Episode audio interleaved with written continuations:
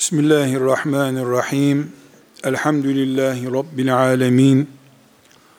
Ve sallallahu ve sellem ala seyyidina Muhammedin ve ala alihi ve sahbihi ecma'in. Değerli mümin kardeşlerim,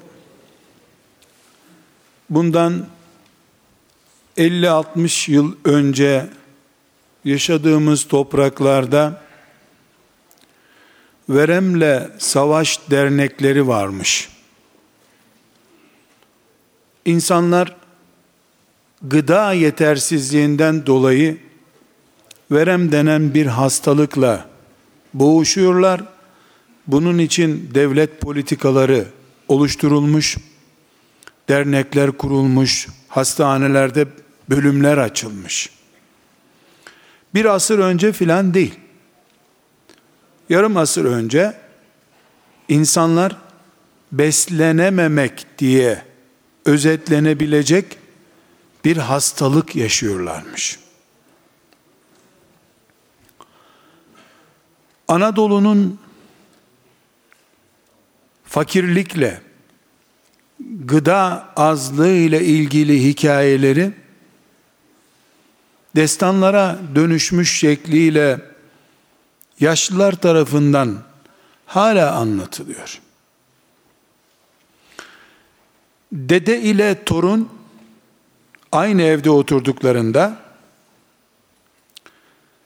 torun cips bir şey filan diye isimler zikrettiğinde dede bunu Çanakkale Savaşı'nda kullanılan bir silah çeşidi filan zannediyor. O bir alemde, o başka bir alemde. Şimdi gıdasızlıktan tüberküloz olmuş neslin çocukları gıda fazlalığından patlayacak hale gelmiş. Onlar hastaneye gittiklerinde ayakta daha doktor bu acaba et suyu mu içse tavuk suyu mu içse iyileşir diye düşünüyorlardı. Şimdi derisi kaşınan, göbeği şişen, ayağı topallayan, kim hastaneye giderse doktorların yemek listesi hazır zaten. Bunları yemeyeceksin. Öyle bir yemeyeceksin listesi çıkarıyorlar ki hiçbir şey yemeyeceksin çıkıyor ondan. Neden? Sofralardaki her şey abartılı da ondan.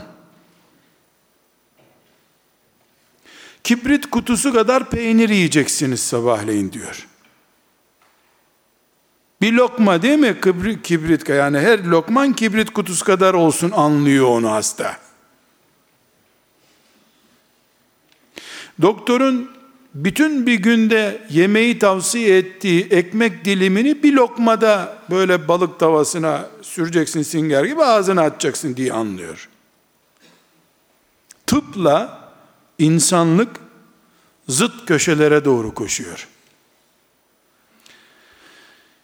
60 sene önce de tıp insanlığı kurtarmaya çalışıyordu. Gıdasızlıktan kaynaklanan hastalıklardan. Şimdi de doktorlar sofra düşmanı oldular.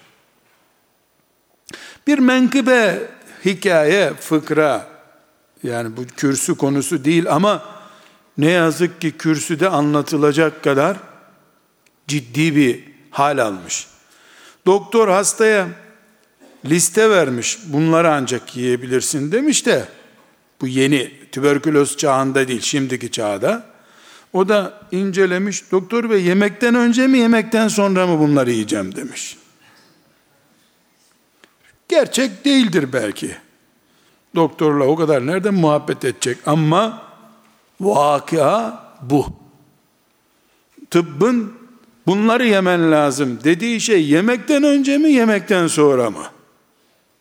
Yani hiç öyle yemek menüsü olur mu?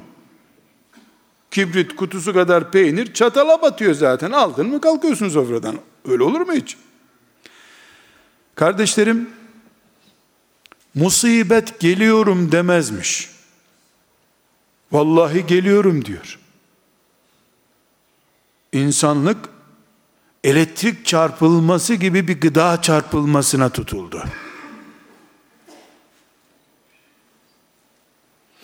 Bu kürsülerden 80 sene önce, 90 sene önce ümmeti Muhammed'in nesline vaazlar yapan hoca efendiler, Allah ölenlerine rahmet eylesin, kalanlarına sıhhat ve afiyet ihsan eylesin. İnsanlara aman haram yemeyin ha diyorlardı.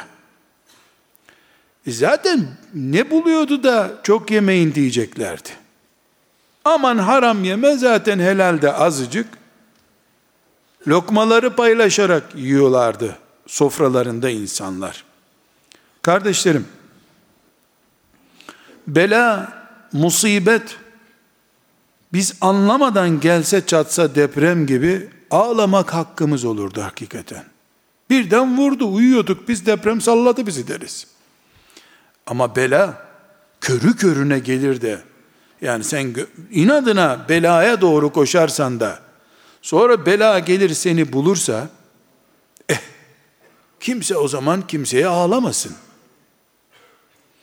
Değerli kardeşlerim, bir gıda mühendisi veya bir dahiliye uzmanı doktorla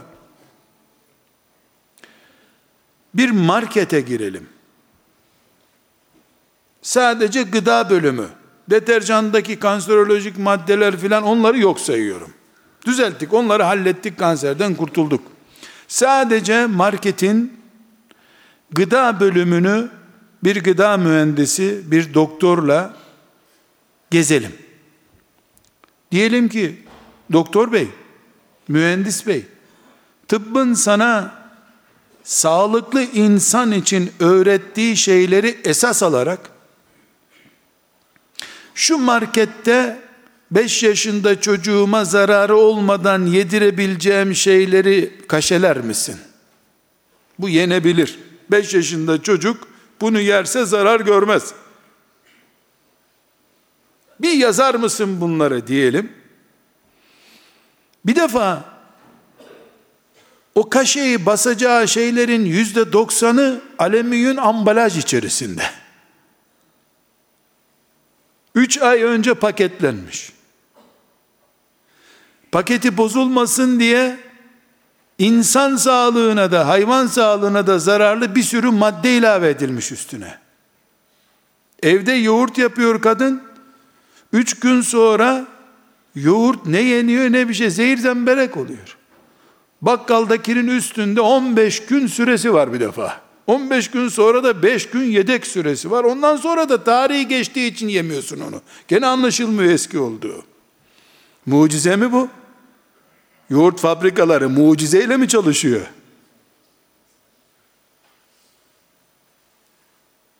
Musibet göre göre geliyor. Ondan sonra kimsenin ağlama hakkı yok. Tıp neredeyse haftada bir yeni bir branş geliştiriyor. Bir dahiliye varmış eskiden. Bizim çocukluğumuzda bir dahiliye vardı sadece. Dahiliyenin dahilinde 20 bölüm çıktı şimdi.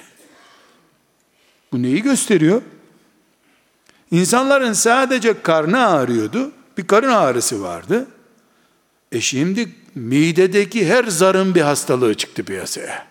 Her kılcal damarın bir hastalık çeşidi oldu. Tıp da biliyor. Biyoloji de biliyor. Devletler de biliyor. Herkes biliyor ki bütün bu hastalıklar, huzursuzluklar, bünyemizi tahrip ettiğimiz bu zehirli yaşam tarzı oburluktan kaynaklanıyor.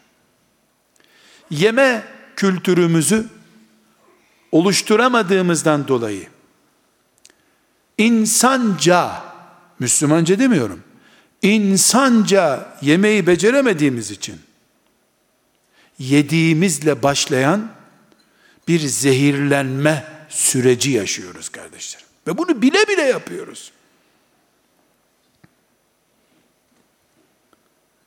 Çocuğumuz annesinin pişirdiği neredeyse yüzde yüz tabii ve onun gelişmesi için gerekli hiçbir şeyi yalvarmadan yemiyor.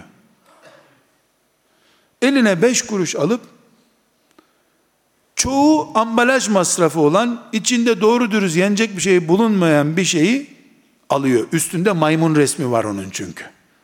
Uçan kertenkele resmi var. O çok güzel bir yiyecek. Bir kaplan kediyi parçalıyor, resim var üstünde. Lezzet mübarek. Çocuklara sitem etme hakkımız yok. Ticaretleri uğruna nesillerin geleceğiyle oynayanlara söz etme hakkımız var bizim. Ticaret yasalara uygun olduğu sürece onu normal gören, ahlakı ve insanı yok kabul eden idrakle sıkıntımız var bizim. Üzerindeki kullanma tarihi geçmemiş. Üzerindeki kullanma tarihi yeni ama bu eski insan kalitesinde değil, çelik insan için üretilmiş bir yiyecek çeşidi.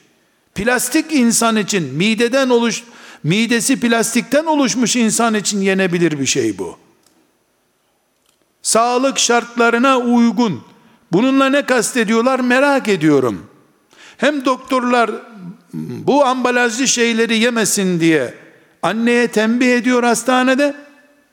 Hem de hem de öbür taraftan da çocukların markete girdiğinde kaparak aldıkları şeylerin üstünde de çocuk sağlığına uygundur yazıyor.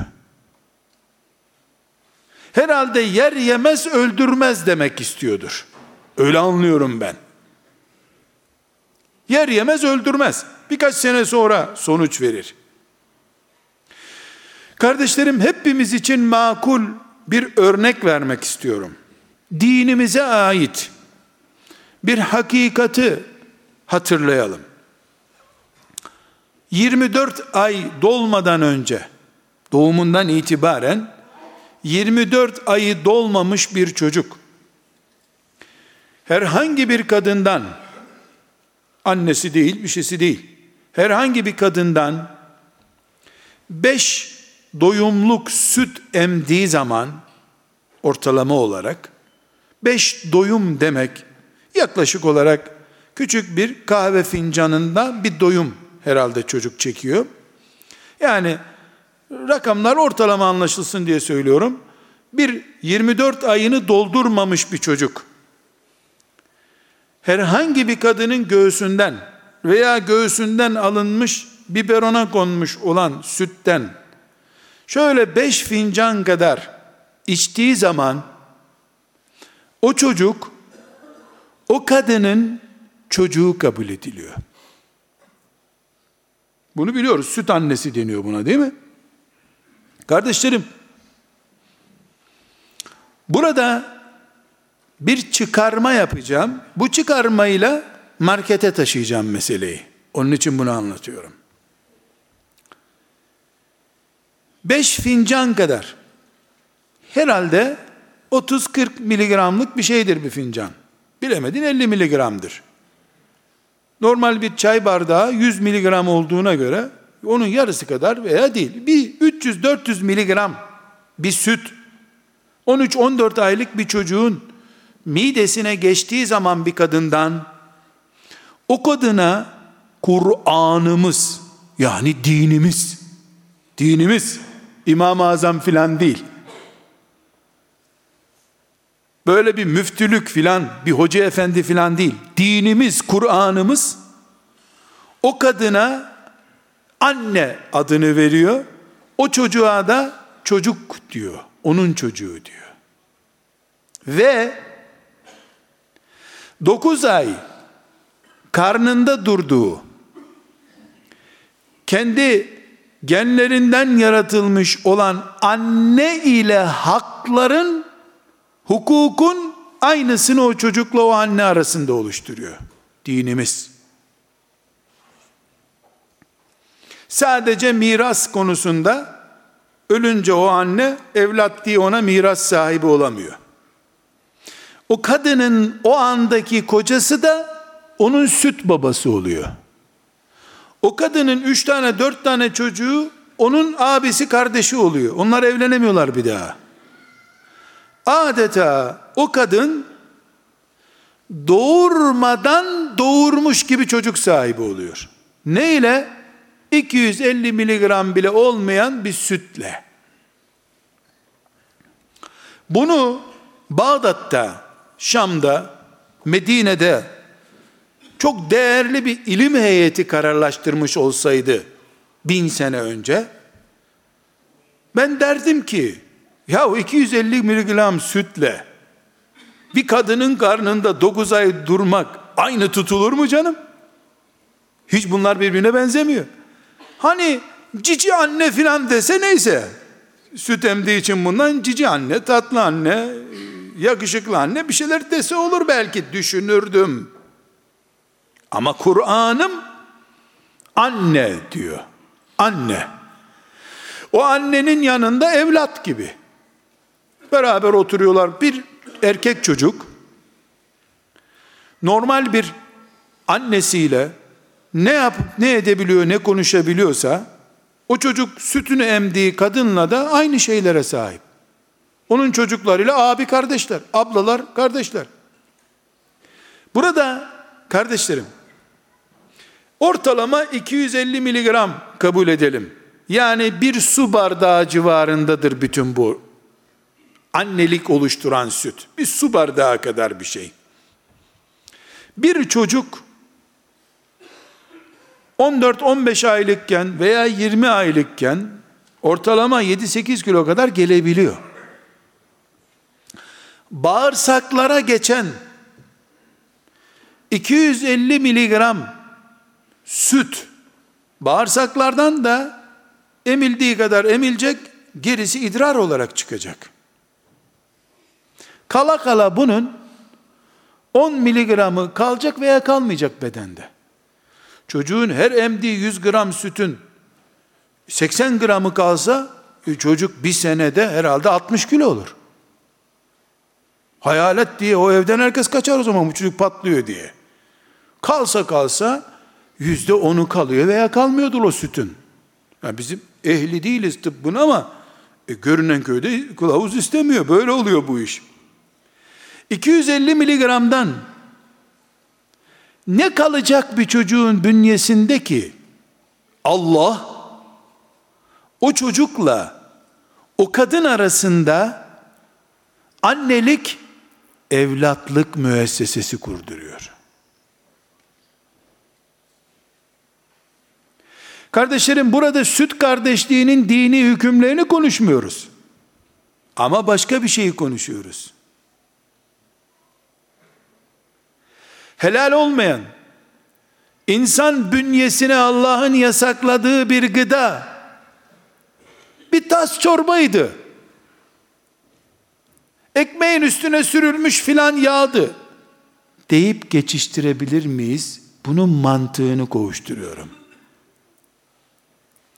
Gıdanın çocuk olsun, büyük olsun, kadın olsun, erkek olsun. Gıdanın bizim için oluşturduğu değere dikkat çekmek istiyorum. 20 gram da olsa haram gıda o bedene girmiş olduktan sonra 20 gram 80 kiloluk bedende yüzdelik oranı bile çok düşük. Yüzde bile etmiyor. Binde filan kadar bile etmiyor. Diyemiyorsun artık. 80 bin gramlık vücutta 20 gramlık zehir öldürüp mezara koyduğu gibi Allah'ın haram ettiği 20 gramda cehenneme koyar. Bu budur. Nereden örneklendirirsek çıkacağımız sokağın başı burasıdır kardeşlerim. Bunun için mümin insanların evlerinde kurdukları sofranın Müslüman sofrası olması gerekiyor. Müslüman sofrası demek tahtadan yapılmış yuvarlak Yerde oturacaksın. Mindere de oturmayacaksın. Tahtadan kaşıklar olacak. Tabak bir tane ortaya konacak. Bu demek değil Müslüman sofrası. Bu Anadolu sofrası. Masada da olur. Tavanda ye istersen. Merdivende ye. Müslüman sofrasıyla kastettiğimiz şey anlı secdeye varacak insan kalitesinde sofra demektir. Haram ve şüphelerden korunmuş sofraya Müslüman sofrası diyoruz biz.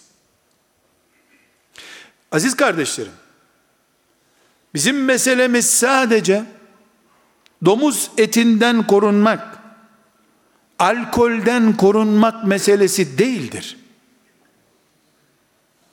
Bir domuz zaten Avrupa'da da zengin adamlar sofrasına sokmuyorlar fakir yiyeceği diye. Domuz eti değil, domuz eti seviyesini geçeli çok oldu bu ümmet. O yüzden şeytan domuzdan pirzola yapıp Müslümanlar evlerinde yesin diye bir hamle yapmıyor artık. Ne yapılıyor ya? Muhtevası sorunlu şeyler sofralarımıza konuyor.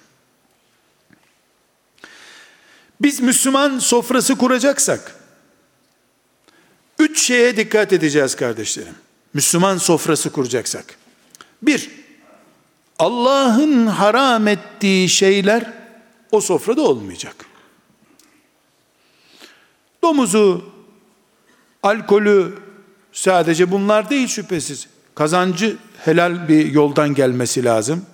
Çünkü haram şey veyahut da e, domuz farklı değil. Besmele önemsenmeden boğazlanmış bir hayvanın sofraya konması, pişirilip sofraya konması e, çok da farklı bir şey değil. Yani haramları saydığımız zaman binlerce haram yok kardeşlerim. On binlerce helal var, onlarca haram yoktur ama. Haramlar azdır. Allah'ın dini kolaylık dinidir. Uğraşıp zorlandığımız için haram sokuyoruz sofralarımıza. Rahat kalsak sofraya haram da girmeyecek. Aramakla bulunur haram çünkü. Helali çoktur Allah'ın. Buradan 500 kilometre gitsek marketlere girmemek şartıyla tabiatta yaratılan her şey helal.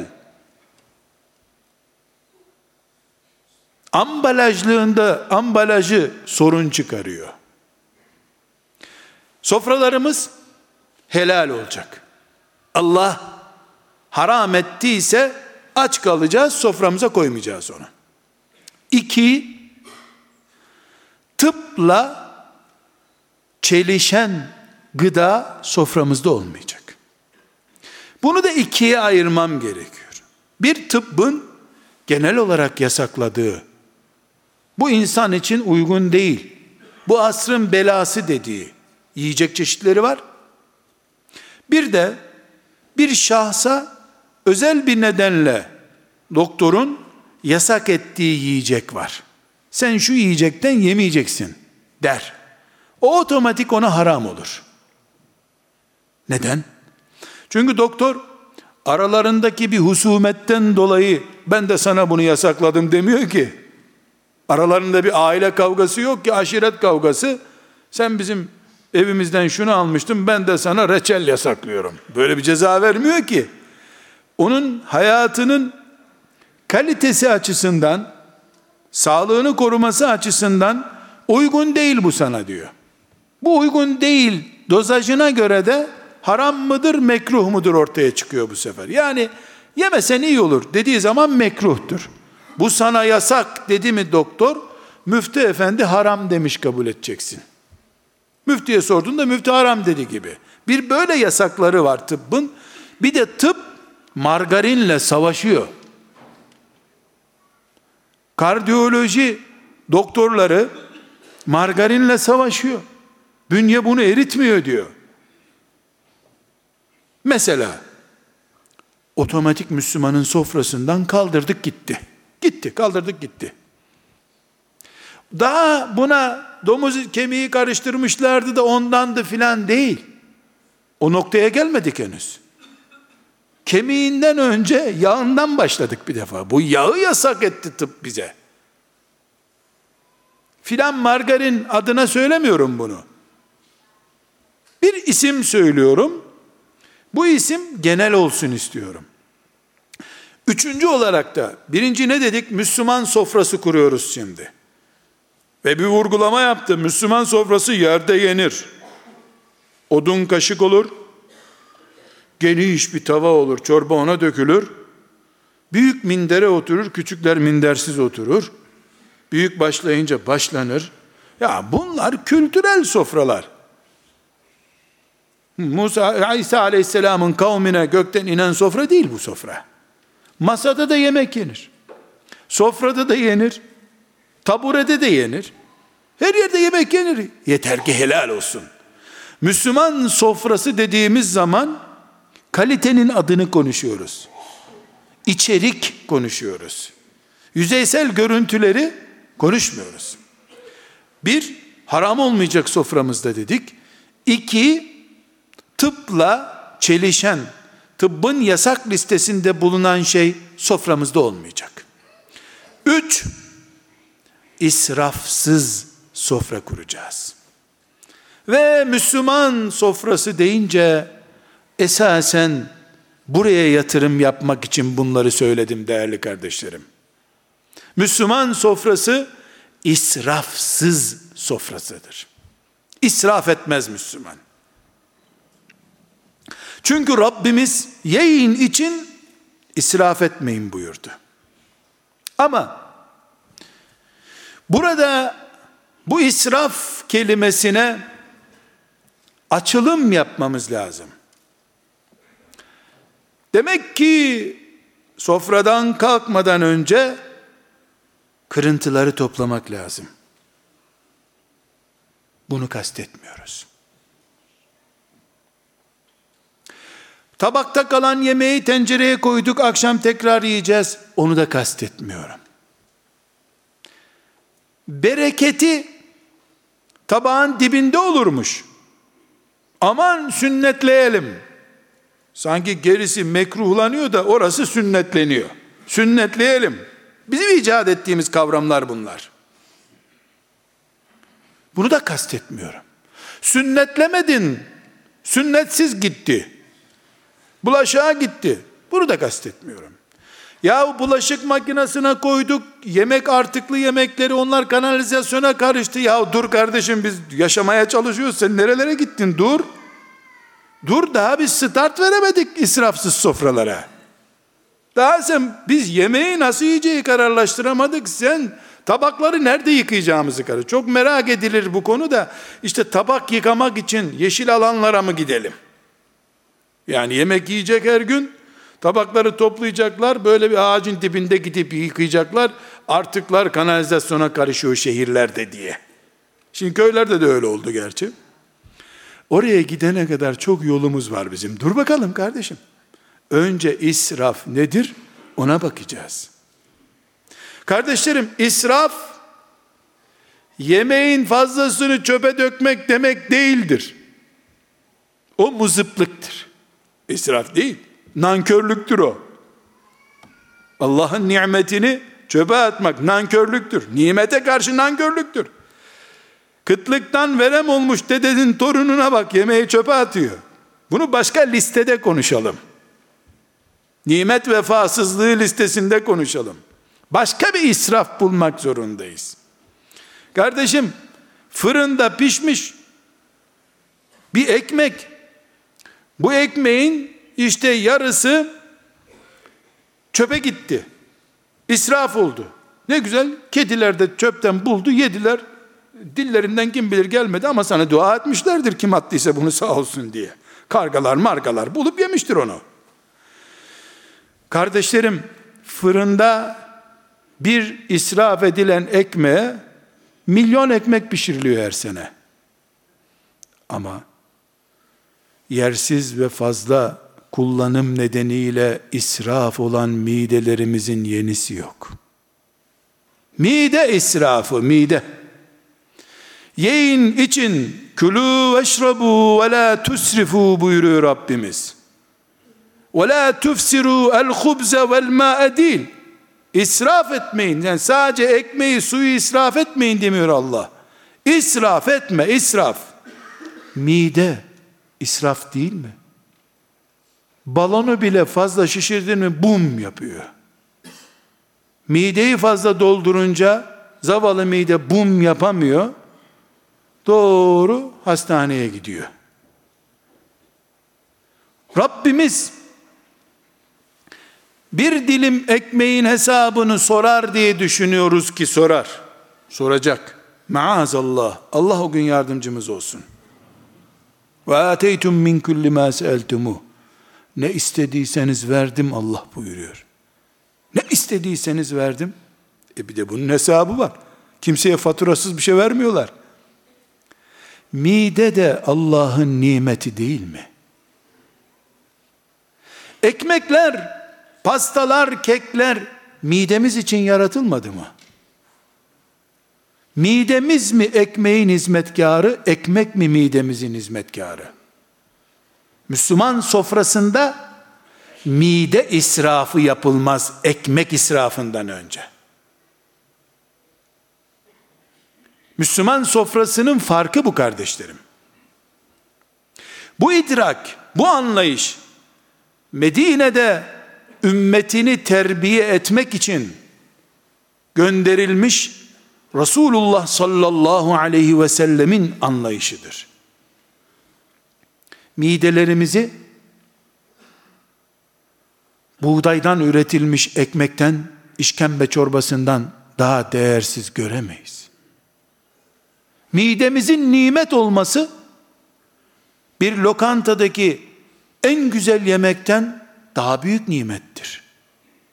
Fasulye de nimet, nohut da nimet, mercimek de nimet ama hepsi bunlar benim mideme girsin diye yaratılmış şeyler. Benim midem mercimek olsun diye değil, mercimek midemde gıda olsun diye yaratılmış.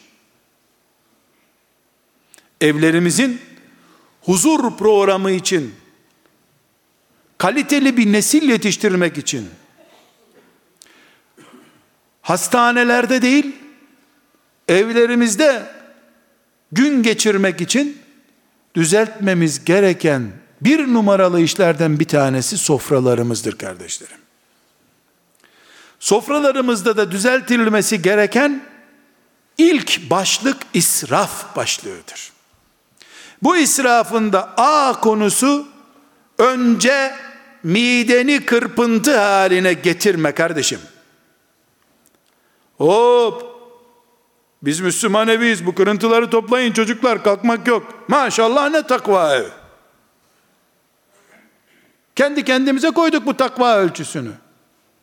Yavrum, Allah'ın nimeti bu miden. Onu bilerek hasta edersek, Rabbim bunun hesabını sorar. Doktora gidiyoruz ya, filanca ağrım sızım oldu. Şunu da sormalıyız. Doktor kardeşim, bu hastalık benim bir müdahalem, uygulama hatam nedeniyle mi oldu? Yoksa yani Allah'tan mı geldi bu hastalık? Hepsi Allah'tan geliyor ama mesela ben fark etmeden işte diyelim ki bana dokunacak filanca şeyi doktor tembih ettiği halde yedim içtim acile kaldırdılar beni. Mantar yeme demişlerdi ormanda doyasıya mantar yedim. Soluğu hastanede acilde aldım. Bir bu var. Bir de durup dururken Allah'tan bir hastalık geldi insanın. Bir de bu var. Bunu sormalıyız doktorlara. Eğer doktor derse kardeşim bu seninle ilgisi yok her insanın başına gelir bir şey bu. Allah şifamı versin diye dua ederiz devam ederiz tedaviye. Ama kardeşlerim nasıl namazda ben dikkat etmeyip de abdestimi bozarsam namazım bozuldu diye gidip yeniden abdest alıp istiğfar edip bir daha namaza geliyorum? Nasıl orucu yanlışlıkla bir şey yedik işte anlamadan diye fetva soruyoruz. Bunu kaza et diyorlar bir daha kaza ediyorum. Eğer soframızdaki nimetleri ölçüsüz kullanmaktan çocuğun gönlü kırılmasın sussun diye saat başı ona bir çikolata vermekten faydalı zararlı araştırmadan her cici pastayı sofraya koymaktan hatta insanoğlu kek yiyecek pasta yiyecek üstüne boncuk koymaya başladı mum yakıyor üstünde Mum plastikten yapılıyor. Onu pastanın üstüne yakıp da onun yağını pastaya akıtmadan zevk alamıyor. Elinden gelse insanoğlu demir yiyecek. Eğer böyle bir hatamdan olduğunu söylüyorsa doktor, namazda ve oruçta hata yaptığım zaman ya Rabbi affet beni dediğim gibi hem tedavi olmak hem de Estağfurullah. Ya Rabbi bu hatayı yapmayacaktım. Benim mağfiret et demem lazım. Çünkü midem, ciğerim, bedenimin herhangi bir parçası, benim özel yedek parçasını da marketten alabileceğim mülküm değil ki. Allah'ın emaneti. Bu emaneti bir mümin olarak istediğim gibi kullanamam ben. Tıp beni bağlar. Biyoloji beni bağlar. Şeriatım zaten beni bağlıyor. Müslüman sofrası kırpıntıları toplayın çocuklar demekle Müslümanlaşmıyor. Sadece Bismillah diyerek başlamak sofranın yüzde yüz Müslüman sofrası olması anlamına gelmiyor. Helal olacak. Tıbbın yasakladığı bir şey sofrada bulunmayacak ve israfsız sofra olacak. Ekmek de israf edilmeyecek, hoşaf da israf edilmeyecek. Midem, ciğerim, dudağım, hatta dişlerim bile israf edilmeyecek. Eğer tıp bu tür bir ekmeği yediğin zaman senin dişlerine zarar verir, diş etlerini hırpalarsın diyorsa o ekmeği yemeyeceksin sen. Ya o ekmek de mi yasak? Yeni bir din mi çıktı? Yeni çıkmadı bu din. Bu din çıkalı 1440 sene oldu. 1440 senedir tıbbın yasak ettiği şeyi Allah yasak etmişti zaten.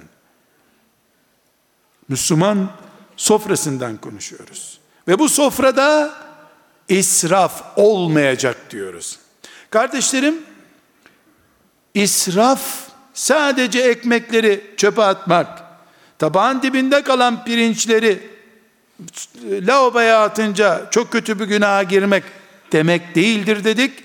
Bünyemiz israf için en önemli isimdir.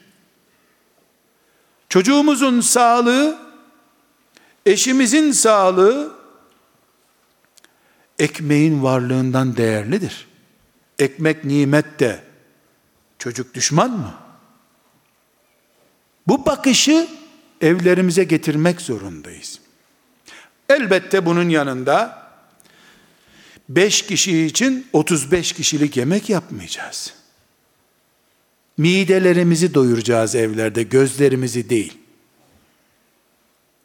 Ramazan sofralarında bile her sene her iftarda yemek fazlasını gözümüzde gördüğümüz halde öbür iftarda öbür sene yine taşacak kadar yemek yapıyorsak bile bile şeytan bizi kucağında taşıyor demektir. Ancak kardeşlerim yemek israfı konusunda bir açılım yapmak istiyorum. Bu açılım şudur. Her Müslüman beş kişilik bir sofra kurması gerektiği halde sekiz kişilik sofra kurarsa artan üç kişilik payı Ankara'da mesela toplasak işte 300 bin kişilik yemek yapıyor diyelim. Bu 300 bin kişilik yemeği her gün Afrika'da yedirsek, insanlardan açlık kalkar. Dolayısıyla biz 5 kişilik yerine 8 kişilik yemek yaptık mı bu israftır, kötüdür. Böyle bir mantık gütmüyorum. Bana ne Afrika'dakiler doysa açmış ya. Allah bu aç gözlüğü yapmayı bana yasakladıktan sonra Afrika tok da olsa yapamam bunu, aç da olsa yapamam ben. İlla bu Afrika'daki açlığı benim soframdaki yemek fazlalığından mı ölçeceğim ben? Kasamdan ölçerim, cüzdanımdan ölçerim. O bir hesap hatasıdır. Hangisi? Fazla yemek pişirirsek yenmezse Afrika'dakiler aç kalır. Bu yanlış bir hesap. Bir defa Allah'ın hakkı nerede ki? Afrikalıların hakkından başladık. Allah bir defa böyle yapmayın buyurdu. Gözünüz doysun buyurdu. Peygamberi aleyhissalatü vesselam böyle terbiye etti gitti bizi. Ama dikkatinizi rica ediyorum değerli mümin kardeşlerim. Ben Afrika'daki kardeşlerimizi, mümin kardeşlerimizi veya mümin olmayan insanlık kardeşlerimizi önemsemeyelim gitsin demiyorum herhalde. Bunu takdir ediyorsunuzdur. O ayrı bir konu. Keşke soframızın yarısını kaldırıp her gün kargo ile oraya göndersek. Bu bir oyalanma taktiği. Asıl görevi ihmal etme hastalığı. Bunu anlatmak istiyorum. Bizim sofralarımız patlayana kadar doyulan sofralar olduktan sonra doktor hazır liste yemeyeceğim şeyler reçete gibi yememe listeleri veriyorlar. Ya dur lan belki ben başka hastalıktan geldim. Yok muhakkak çok yemişindir. Fazlalık. Damarın tıkandı, gözün tıkandı. Her şeyin tıkanıyor. Fazlalıktan tıkanıyor. Bizden önceki neslin bağırsağı düğümleniyordu açlıktan. Bizim bağırsağımız deliniyor fazlalıktan. Bağırsaklar taşımıyor. Tazikten. Bu mantık üzerinden konuşuyorum. Meselemiz Afrika'yı doyurmak, Orta Asya'ya su götürmek meselesi değil. O kadar basit düşünerek asıl gündemi kaybetmek istemiyorum. Asıl gündemimiz bizim şeytan bizi mutfakları mabetleşmiş insan haline getirdi. Mutfaklar bir tür mabede döndü. Hanımlar akşama kadar mutfağın bulaşığında, soğan soymasında, pırasa yontmasında geçiyor. Erkekler de ya mutfakta yemek yiyor ya da iş yerinde zaten yahut da beraber bir lokantaya gitmiş oluyorlar. Şu şehirlerimize bakınız. Yüz dükkandan kaçı bir şey üretmek, bu ülkeye katkıda bulunmak için açılmış dükkandır. Yüzde kaçıca lahmacuncu, köfteci, şucu bucu diye yemek üzerine kuruludur. Eskiden lokanta vardı. Lokantada ciğerinden fasulyesine kadar her şey vardı. Yetmedi dahiliye kaç çeşit oldu dedik ya hematolojisi, ramatolojisi bir sürü dahiliyenin çeşitleri çıktı ya. Lokantadan fasulyeci çıktı. Ciğerci çıktı. Kebapçı çıktı. Eskiden hepsi bir lokantadaydı. Bir dahiliye idare ediyordu onları. Şimdi ciğercisi, kebapçısı, pilavcısı, pişmiş köftecisi, çiğ köftecisi hep ayrı. Limonatacısı ayrı, ayrancısı ayrı. Dahiliye ayrı, ramatoloji ayrı, hematoloji ayrı. Loji buldukça hastalık devam ediyor. Ama Allah bir kere gözleri kör ettikten sonra hiçbir musibet de fayda etmiyor. Sofralarımız midelerimize göre kurulmalı, gözlerimize göre değil. Müslüman sofrası ise eğer gözü doyuran sofra olmaz bu dünyada. Göz doysaydı eğer Allah İsrail oğullarına gökten pişmiş bıldırcın ve helva indirdi. Her gün kapılarında buldular bunu.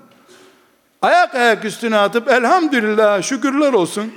Oh be Her gün yemeğimiz geliyor. Bunu melekler pişiriyordur muhakkak. Demediler. Pırasa yok mu bu lokantada dediler. Evet pırasa sordular arkadaşlar. Bakla sordular. Bakla yok mu ya? Pişmiş bıldırcın etleri. Çoğu insanın adını bilmediği bir hayvan bıldırcın. Pişmiş geldi kapılarında. Göz doymaz. Hanım kardeşlerim, anneler çocuklarını pastayla, kekle, bilmem neyle gözlerini doyurmaya kalkmasınlar sakın. Göz doyuracaksan plastikten filan böyle pasta, meyve çeşitleri yapılıyor. Onlardan al her gün bir göster geri koy sonra. Göz öyle doyar. Mide doyar, mide. İnsanoğlunun gözü doysaydı biz bu kadar birbirimizle dalaşmazdık ki. Gözümüz doymadığı için ne paraya ne çorbaya birbirimizi rahat bırakmıyoruz. Onun için abi kardeşle savaşıyor. Gözü doymadığı için. Midem bilemedin 3 kilodur. Haydi diyelim besili bir miden var olsun 5 kilo. 5 kilodan fazla da yiyemezsin ya.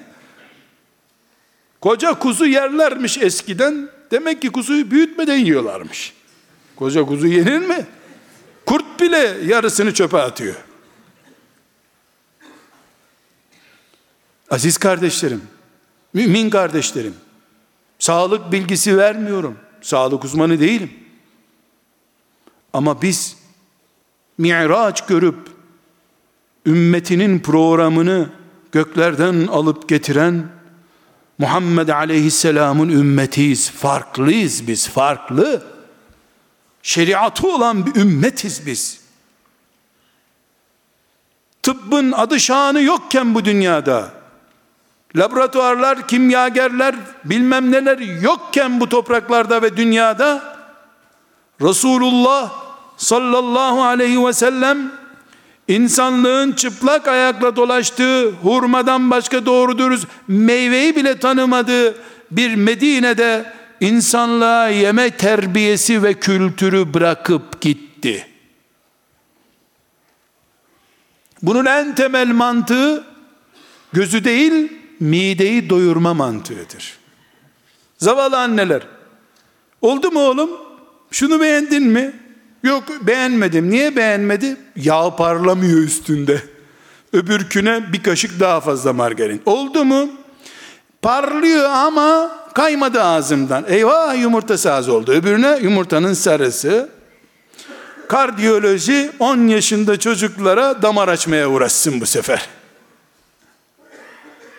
Çocuk sünnet olmadan ameliyat oluyor. Bu ne haldir ya? Doğarken çocuklar damarı tıkalı doğar mıymış? E bu kadar musibet gözümüzü açmayacak mı kardeşlerim? Dönmeyeceğiz mi? Resulullah sallallahu aleyhi ve sellemin bizi davet ettiği o miraç düzeyindeki ahlaka, mutfağa, sofraya dönmeyeceğiz mi?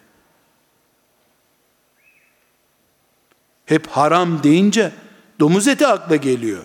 Hırsızın çaldığı haram. Baba, hanım anne, çocuğun sağlığından çalıyorsun. Helal mi? Helal mi? Sadece bakkaldan ekmek çalmak mı haram? 30 yaşına gelmeden ameliyat masasına yatacak bu çocuk senin gıda politikandan dolayı. Daha ince düşünmesi gereken bir ümmetiz biz. Sıradan bir kültürle yetişmedik. Dağdan gelmedik. Denizden çıkmadık. Medine'den çıkıp bizi aydınlatan bir güneşin altındayız elhamdülillah. Şimdi kardeşlerim, bütün yemek kültürümüzü yeniden burada dizayn etmeye fırsatımız yok. Sizi de tenzih ederim. Bu kadar seviyesi düşmüş bir şey konuşmaktan ama bugün bir şifreyi burada alıp gidelim. Şifre. Ne şifresi? İnsan olarak sağlıklı yaşama şifresi.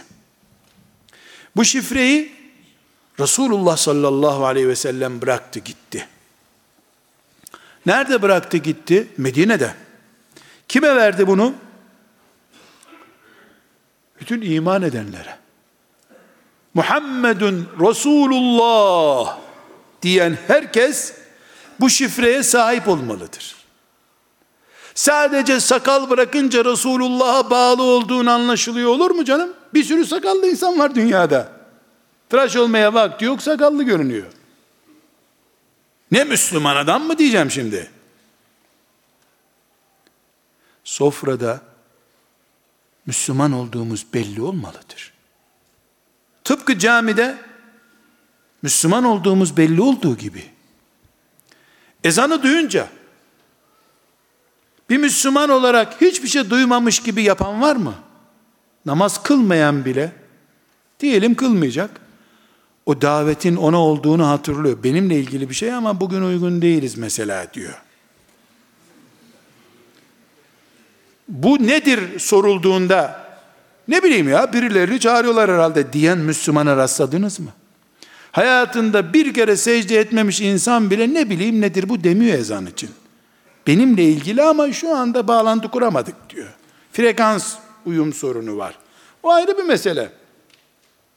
Şimdi Resulullah sallallahu aleyhi ve sellemin kulaklarımıza dökeceği şifre ezan şifresidir. Hangi ezan?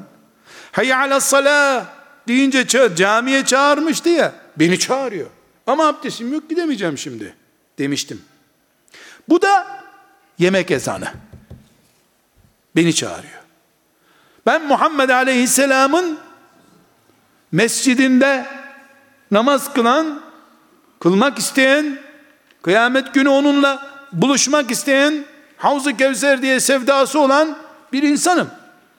Bana söylüyor peygamberim sallallahu aleyhi ve sellem. Kime söyleyecek? Bana söylüyor. Dediğimiz zaman yapamasak bile içimizdeki hasreti görür melekler kardeşlerim. Tirmizi'nin rivayet ettiği bir hadisten söz ediyorum kardeşlerim.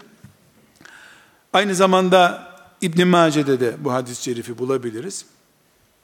Kardeşlerim can kulağıyla dinleyelim. Çok uzun değil. Şifreler kısa olur zaten. Uzun uzun şifre olmaz. Ders notu olur. Şifre birkaç cümle olur. Anlayan anlar, anlamayan da ezanı duymamış gibi olur. Bu da yemek ezanı.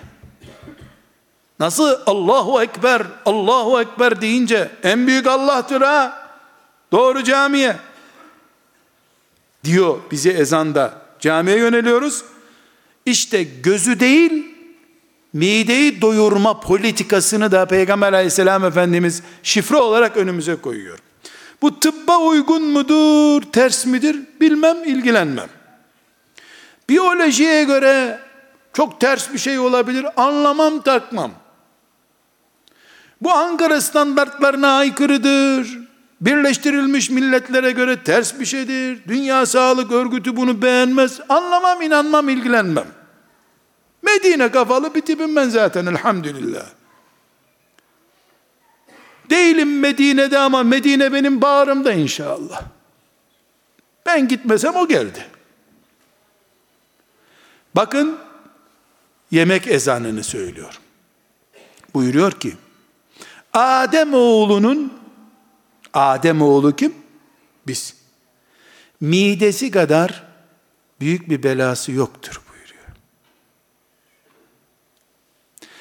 Adem oğluna ayakta duracak kadar birkaç lokma her gün yeter buyuruyor.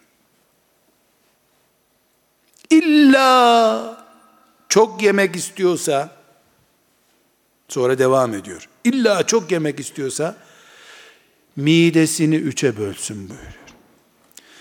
Birini yani üçte birini katı yiyecekler. Üçte birini sıvı yiyecekler. Üçte birini de hava olarak bıraksın buyuruyor. Aslında hani ne diyoruz? Namaz ehli kime deniyor? Ezan okununca camiye gidiyor. Ona iyi Müslüman diyor. Ya camiye gitmiyor, dükkanın kenarında işte gazetenin üstünde kılıyor. Ee, hiç olmasın namaz kılıyor, şükürler olsun diyoruz ya. Hiç kılmayandan iyi. Aslında camiye giden Müslüman gibi iyi Müslüman kime diyor sallallahu aleyhi ve sellem? Birkaç lokma ile ayakta durana diyor. O kibrit kutusu kadar peynir diyordu ya tıp. 14 asır sonra kibrit kutusunu buldu ya tıp. Elhamdülillah. Medine'de bunun adı bir lokmaydı. Bu camiye gidip namaz kılan gibi kaliteli Müslüman. Ya herkes camiye gidemiyor. Gavur mu oldu? Yok. E şimdi herkes birkaç lokmayla ayakta duramıyor. Ona da izin veriyor. Ortalama bir mide hikmet ilahi 2-3 kiloluk bir kap. Demek ki bir Müslüman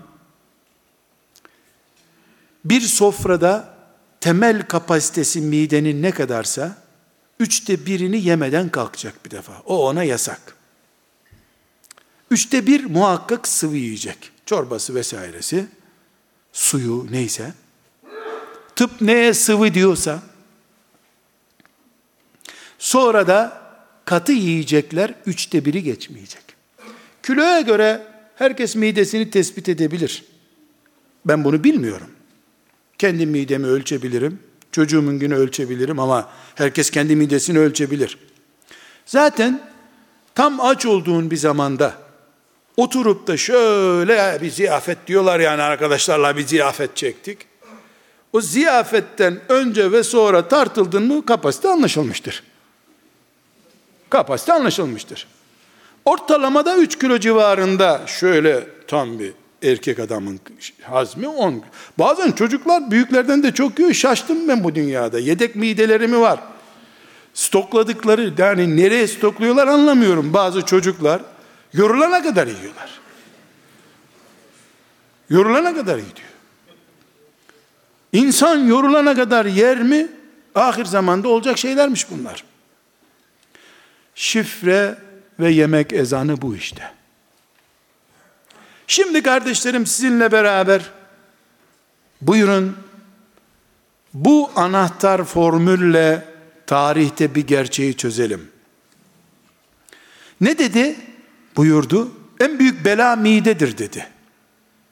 Doktorların kasası mide. Mide yüzünden doktorlar kazanıyor. Oburluk yüzünden. İnsanlar bu sistemi bilmeyince ilaç yiyorlar bu sefer hazmettirici yiyorlar. İbn Ömer radıyallahu anhuma sağken bir rivayeti İbn Mesud olarak da hatırlıyorum. Şam'dan birisi Medine'ye ziyarete gelmiş. Kırba var ya böyle keçi derisinden yapıyorlar. Onun içine maden suyu gibi bir şey doldurmuş. Gelmiş demiş ki Selamun aleyküm aleyküm selam. Çok orijinal bir şey getirdim Şam'dan demiş. Ne getirdin demiş. Bir su getirdim demiş. Maden suyu biz diyoruz ona. İçtin mi midende ne varsa hazmettiriyor demiş. Bir iç baksana bundan demiş. Kardeşlerim, biz de Muhammed Aleyhisselam'ın ümmetiyiz. İbni Ömer, İbni Mesud da ümmetiydi. Adama demiş ki biz Resulullah'ı göreli midemize hazmettirecek kadar yiyecek koymadık ki ne yapayım senin suyunu demiş. Ama cennette hep beraberiz Allah'ın izniyle. Hiç öyle adaletsizlik yok. Cennette her şey eşit. Hasbunallah. Hasbunallah. Düşman, musibet, bela gibi sofralarımız başımıza bela olduysa hasbunallah sofralar içinde diyeceğiz biz artık. Bir hikayeyi sık sık dinlersiniz camilerde. Peygamber aleyhisselam efendimizin siretini okuduğumuzda ve bazen insan tereddüt eder kardeşlerim. Hani hatırlıyor musunuz bir grup sahabi Efendimiz cihat diye bir yere gönderdi. Onlara da erzak olarak işte ayrı bir kafile vermedi. Bir çuvalın içine de hurma koymuş 50 kişi 10 kilo da hurma vermiş onlara. Bir ay bununla idare edecekler. Hurmanın her biri kavun kadar değil. Görüyoruz işte hurmaları. Diyelim o zamanki hurmalar daha e, gübresi hormonsuz filandı. Daha büyüktü diyelim ama şeftali kadar değildi herhalde. Sahabi ne diyor? Önce birer hurma yiyorduk diyor. günde. Sonra bakmış ki komutan erzak bitiyor. Ne yapıyorsunuz siz demiş. Üç kişi bir taneyle idare edin demiş. Olur mu canım bu kadar? Bir de kılıç kaldırıyor. Olmaz tabii şimdi. Şimdi olur mu? Ama bu talimat gününde oluyordu. Zaten ayakta durmak için sana üç lokma yeter demişti. On senedir onlar o medresede terbiye görüyorlardı. On sene bir lokma ile terbiye edildikleri için üç arkadaş hurmayı bölüşerek yiyip sabahleyin de cihada gittiler. Ama lokmayı şimdi iftar açmak için yarım kilo yedin mi? Cihada gidemezsin. Glikoz fazlasından çökmek zorundasın. Kan şekeri bastı seni bu sefer. Ne haldeyiz? Kudüs'ten ölçebiliriz bunu şüphesiz. Ama sofralarımızdan da ölçebiliriz kardeşlerim. Dünya politikalarında ne halde olduğu Müslümanların şöyle bir ölçülsün bakalım. Ölçülsün. Sıkıntım yok. Buyurun sofralarımızdan da ölçelim. Bir hurmayı üç kişi bölüştüler. Zaten bu formülle yaşıyorlardı. Bir sıkıntı çekmediler ki. Ashab-ı kiram Bedir'e giderken oruçlarını açmadılar. Ya açsa da açmasa da iftarda bir hurma yiyordu zaten. 12 saat sonra yese ne olacak? Kurduğu iftar sofrasına Afrika'dan üç köy getirilse tok kalkarlar oradan. Öyle bir sofraya oturmadılar ki hiç. Alışmış değildi ki kudurmuştan beter olsun. Kardeşlerim, Allah rızası için bana destek verin. Haksız mıyım sofralarımızın Müslüman olması gerektiğini söylerken?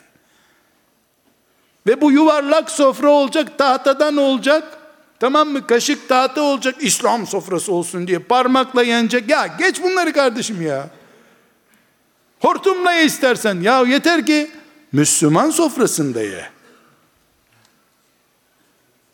Kur'an kursuna gönderdik çocukları. İmam Hatip liselerine gönderdik. Elhamdülillah geldi Sultan Fatih'in Leventleri. Çok çabuk meyveye durmaz bu ağaç bu kadar. Kur'an kursundan önce Kur'an sofrasına oturtalım. Külü veşrabu ve la tusrifu sofrasına oturtalım çocukları. Geleceklerinin israf edilmediği. Ağlarsa ağlasın iki saat ama geleceğinde zararı olacak bu melaneti yemesin. Diyebildiğimiz sofralara oturtalım. Bünyeleri bir defa sağlam olsun. Aksi takdirde kendi kendimizi oyaladığımızı zannediyorum kardeşlerim. Ve sallallahu ve sellem ala seyyidina Muhammed ve ala alihi ve sahbihi ecma'in velhamdülillahi rabbil alemin.